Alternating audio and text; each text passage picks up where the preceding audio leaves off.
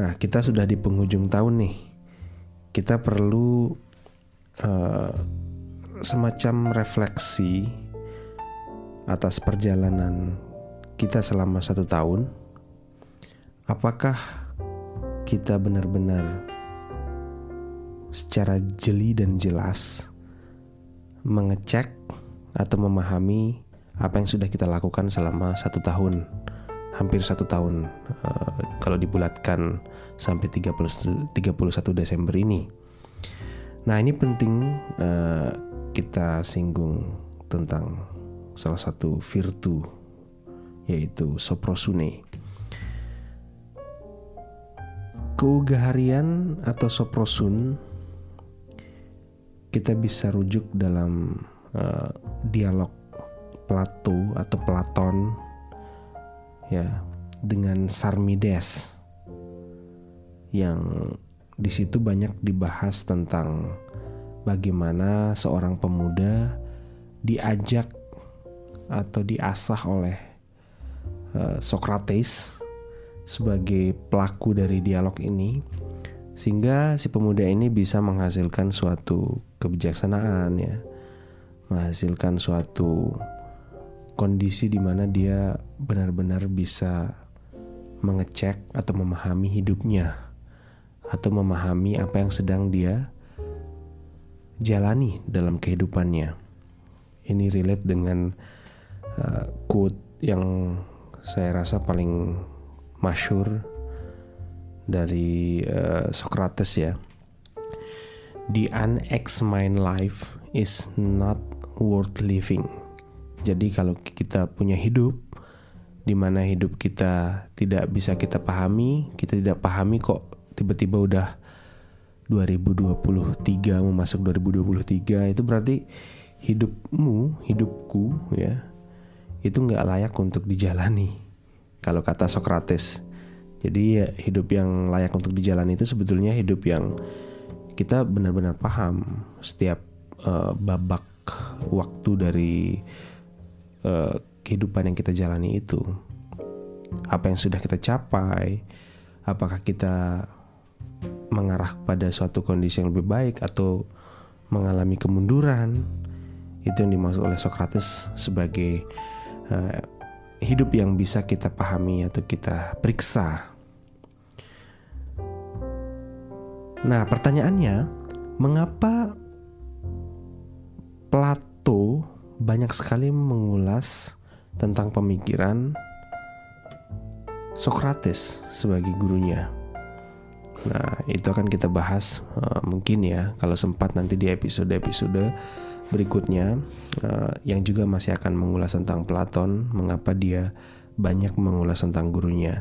Tapi di sini uh, saya mau berbagi sedikit referensi yang sangat bagus ditulis oleh seorang Romo. Eh, pasti orang-orang yang sering baca filsafat atau belajar filsafat di Indonesia nggak asing lagi sama nama Romo yang satu ini. Beliau adalah Setio Wibowo Romo Setio. Beliau pengajar eh, dosen di Sekolah Tinggi Filsafat Driarkara Jakarta. Ini yang sedang saya sekarang pegang itu adalah buku beliau yang berjudul uh, Platon ya. Sarmides sebagai lawan dialog dari Socrates untuk mencapai suatu kondisi yang ugahari. Apa itu ugahari? Dalam perbendaharaan bahasa Indonesia kita kayaknya masih jarang terdengar ya. Saya sendiri ketika melihat atau membaca judul buku ini, keugaharian itu apa sih? Baru baru, baru pertama kali mendengar apa itu ugahari. Silahkan kalian yang mendengar ini mungkin bisa langsung buka KBBI. Siapa tahu sudah ada dan sering dibicarakan atau dipakai di sini dalam sastra. Oke, di buku ini dijelaskan secara sangat rapi oleh Romo Setio tentang dialog Socrates dengan para pemuda dengan muridnya ya sehingga uh, teori kebidanan yang terkenal dari Socrates itu bisa kita pahami melalui dialog-dialognya itu. Dan salah satu pintu masuk untuk memahaminya itu melalui buku yang sangat bagus ini Romo Setio di sini sebagai penerjemah dan penafsir. Jadi beliau oh, tentu saja beliau bisa bahasa Yunani. Beliau melibatkan sumber primer ya teks-teks primer yang berbahasa Yunani. Kemudian juga melibatkan uh, riset-riset kolega, entah itu kolega atau gurunya semasa kuliah di Perancis dan beliau interpretasikan dan uh, terjemahkan sehingga jadilah buku ini. Ini terbitan Canisius ngomong-ngomong ya. Ini Canisius uh, saya rasa masih ada di toko-toko buku. Sebagaimana yang sudah saya katakan di awal tadi, jadi judul buku ini Soprosun itu salah satu dari empat keutamaan pokok atau cardinal virtus yang terkenal dalam tradisi filsafat Yunani kuno. Tiga keutamaan lainnya uh, ada Andrea, itu artinya keberanian. Kemudian ada Sophia yang sebagai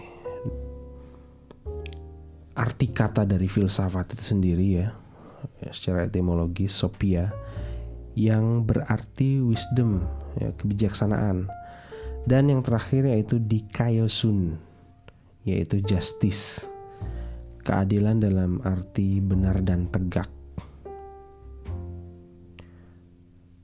Bagi kalian yang tertarik dengan uh, Cardinal Virtus ini, silahkan baca buku The Republic ya uh, atau Politeia dalam bahasa Yunani-nya di buku keempat.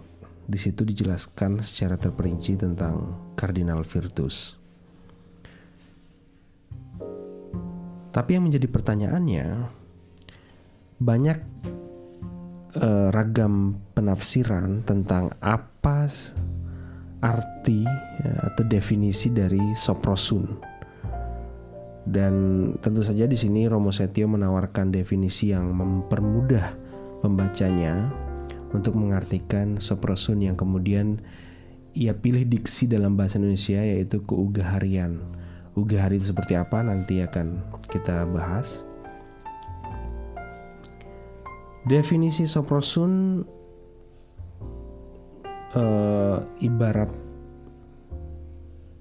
ada dalam persimpangan jalan ya seperti pertigaan belok kirinya itu mengarah pada pemaknaan etis dan kalau belok ke kanan itu mengarah kepada pemaknaan intelektual.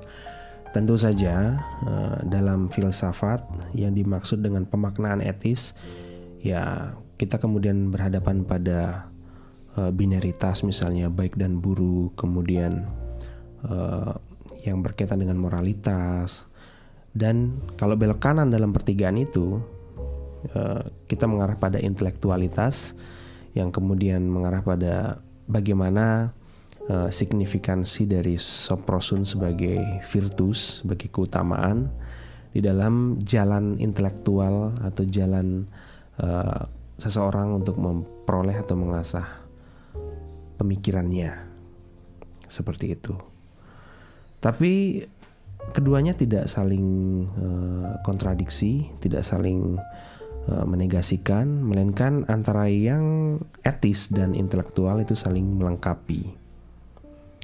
Dan itu bisa kita lihat dalam dialog Socrates dengan Sarmides, di mana Soprosun diberi arti ke arah yang semakin intelektual.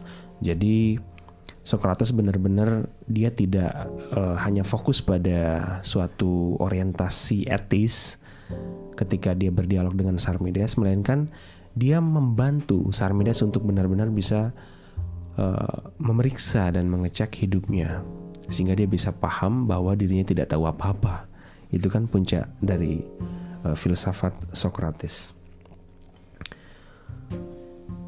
Kalau kita tengok pemaknaan awalnya, soprosun memang dipahami sebagai sesuatu yang bersifat etis. Ya, ya seputar tahu batas dalam tindakan. Jadi kita bisa mengukur lah ya tindakanku ini uh, berdampak buruk nggak bagi orang lain. Nah itu itu awalnya diartikan seperti itu soprosun. Tapi uh, perlahan dialog Socrates dengan Sarmides mengarahkannya ke arah yang lebih intelektual menjadi semacam keutamaan yang uh, berkaitan dengan kebijakan praktis uh, di mana kebijakan praktis ini muncul akibat dari bimbingan pengetahuan tentang yang baik dan yang jahat. Nah, jadi ini uh, overlapping ya. Jadi ada irisan antara perkara etis dengan perkara epistemik ya antara tahu ya kita orang itu bisa dikatakan e, berbuat jahat. Kalau kita kaitkan dengan ini ya dia bisa dihukum kalau dia secara sadar melakukan itu misalnya. Secara sadar ya tentu saja dia tidak gila ya. Kalau orang itu sudah tidak punya akal sehat ya mungkin dia tidak akan dihukum sebagaimana orang yang uh, punya akal sehat seperti itu. Uh, jadi di situlah menariknya uh, dialog Socrates dengan Sarmides. Pelan-pelan kita akan mengetahui apa sih sebetulnya keugaharian atau soprosun itu. Di salah satu definisinya, dialog Sarmides mengatakan bahwa soprosun adalah semacam pengetahuan universal. Itu dalam Sarmides 166c dan di mulut Kritias, definisi ini diekstrimkan sedemikian rupa sehingga soprosun menjadi keutamaan intelektualis murni. Oke, ya, siapa Kritias? Ini tokoh baru ya. Jadi Sarmides ada Kritias. Nah Kritias ini konon uh, orangnya pongah ya, sombong ya, ceroboh dan juga dia adalah murid Socrates. Nah, melihat definisi dari Kritias, jadi dia uh, seolah merasa tahu bahwa Soprosun itu seperti ini gitu. Dia mengklaim dirinya tahu. Nah, melihat itu Socrates kemudian berusaha menurunkan derajat yang terlalu abstrak dari definisi Kritias tentang Soprosun ke arah yang berkenaan dengan pengenalan diri yang didasarkan pada pemahaman mengenai kebaikan dan kejahatan. Nah, ini sifatnya sangat praktis gitu. Nah, kalau kita refleksikan eh, sering kali kita menemukan atau bu atau bahkan kita sendiri ya, eh, saya sendiri tampil di kelas, tampil di muka umum untuk menyombongkan diri untuk menunjukkan bahwa aku tuh lebih hebat daripada kamu daripada kalian gitu. Salah satu contoh yang paling relatable ketika ada diskusi ya, atau di forum publik gitu ya. Kita bertanya kepada uh, pemateri misalnya. Nah, pernah nggak kita pikirkan ulang? Kita bertanya atas dasar benar-benar tidak tahu dalam rangka untuk memenuhi pengetahuan kita, dalam rangka untuk menjawab pertanyaan yang kita masih bingungkan, atau hanya untuk menguji isi kepala dari pemateri. Oke, kalau menguji mungkin masih itu bersifat uh, subject to subject gitu ya. Tapi kalau bersifatnya ingin mempermalukan subjek lain, nah itu bermasalah banget gitu. Itu sudah bukan kebaikan lagi tapi kejahatan. Nah di situlah yang kemudian sulit uh, titik sulit dari filsafat Socrates ya yaitu soprosun ini kita bisa tahu bahwa kita sama sekali tidak tahu apa-apa. Nah, Socrates kan dia gemar sekali bertanya ke sudut-sudut kota ya. Uh, ketika banyak mewabah kaum sofis yang menggelar mimbar kemudian dibayar ya. Seolah-olah dia tahu apa saja permasalahan manusia. Kemudian Socrates melihat ah ini permasalahan. Bertanya itu mensyaratkan suatu ketidaktahuan. Ketika kita sudah terlebih dulu tahu dan kita ingin bertanya padahal kita sudah tahu itu bukan pertanyaan. Melainkan itu challenge atau exercise ya atau menguji orang. Nah, itu yang dimaksud dengan soprosun sebetulnya mengenali diri. Nah, kesulitan yang saya maksud tadi apakah Socrates ketika bertanya itu dia benar-benar dalam keadaan tidak tahu apa-apa? Nah, bagaimana caranya kita bisa sadar kalau kita tidak tahu apa-apa sedangkan dalam rangka untuk mencapai suatu kondisi kita sadar kalau kita nggak tahu apa-apa itu memerlukan banyak sekali ya praasumsi ya, peranggapan kemudian kalau dalam bahasa akademik itu hipotesa ya tesis gitu ya kita punya asumsi lah ketika kita melihat uh, fenomena misalnya kita mengkaitkannya dengan teori yang sudah kita peroleh sebelumnya gitu. Dan di di titik apa sebetulnya kita bisa mengatakan bahwa kita tidak tahu apa-apa. Itu yang menjadi uh, kesulitannya. Ketika kita lihat dia, dialog Socrates dengan murid-murid dengan pemuda-pemuda, itu apakah benar-benar Socrates nggak tahu apa-apa? Lalu bagaimana dia bisa mengecek muridnya atau pemuda itu uh, cacat secara moral, ya, atau dia benar-benar tidak tahu apa-apa gitu? Di situlah kesulitannya. Oke. Okay, uh, eh, sulit untuk mendefinisikan ini. Itu penuturan dari Romo Setio di buku ini ya. Sangat sulit untuk mendefinisikan satu kata istilah soprosun. Nah, kemudian dia eh, Romo Setio meminjam uh, terjemahan ya interpretasi atau penafsiran dari Louis Andre Dorion salah seorang yang saya sebut di awal tadi, entah ini kolega atau guru dari Romo Setio di Perancis, menerjemahkan soprosun sebagai sagesse atau kebijaksanaan, bukan dalam arti teoretis melainkan dalam arti praktis. Sehingga dalam bahasa Perancis, ketika orang berujar cat enfant es so ya, ini dibaca apa? Tapi kalau ejaan non Perancisnya Chat and fun est sagi seperti tulisannya. Artinya anak itu bijak dalam arti baik tenang tidak nakal. Ungkapan itu sama sekali tidak bermaksud mengatakan bahwa anak tersebut bijaksana melainkan bahwa anak itu tenang tidak nakal dan tahu diri. Nah, lewat pilihan terjemahan Segese Louis André Dorion ingin menggabungkan antara dimensi praktis sehingga soprosun layak diterjemahkan sebagai moderatio, temperantia, sebuah kemampuan memoderasi, menghaluskan, menengahi, mengambil batas tengah dengan dimensi intelektual yang sudah disebutkan di sebelumnya. Nah, maksudnya itu apa?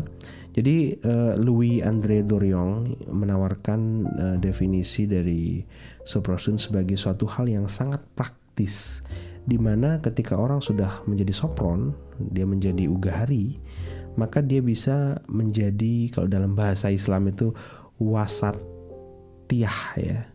Moderat wasato dalam bahasa Qurannya itu ya. Jadi tengah-tengah nggak berat sebelah.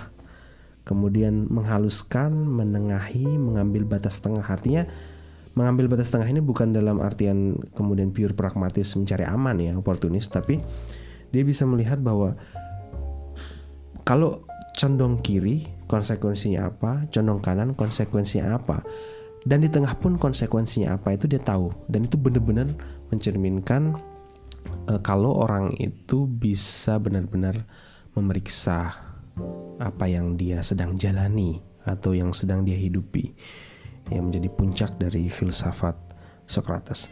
Nah, ini mengapa di episode ini uh, terdengar sangat bijak ya. Kita mengulas tentang soprosune sebagai salah satu uh, virtus dalam filsafat Yunani kuno. uh, gunanya untuk ya kita sama-sama yuk mengoreksi kita sama-sama mengecek memeriksa satu tahun di 2022 ini kita sudah ngapain aja Oke, ada yang sudah S1, sudah dapat gelar, sudah selesai S2, S3, sudah profesor, sudah apa. Ya, kalian yang mendengar uh, podcast ini, pertanyaannya, apakah pencapaian itu sudah benar-benar mencerminkan keugaharian? Atau jangan-jangan kita semua sedang misoriented atau disoriented ya, hilang arah mencapai suatu tujuan yang sebetulnya sama sekali tidak ugahari.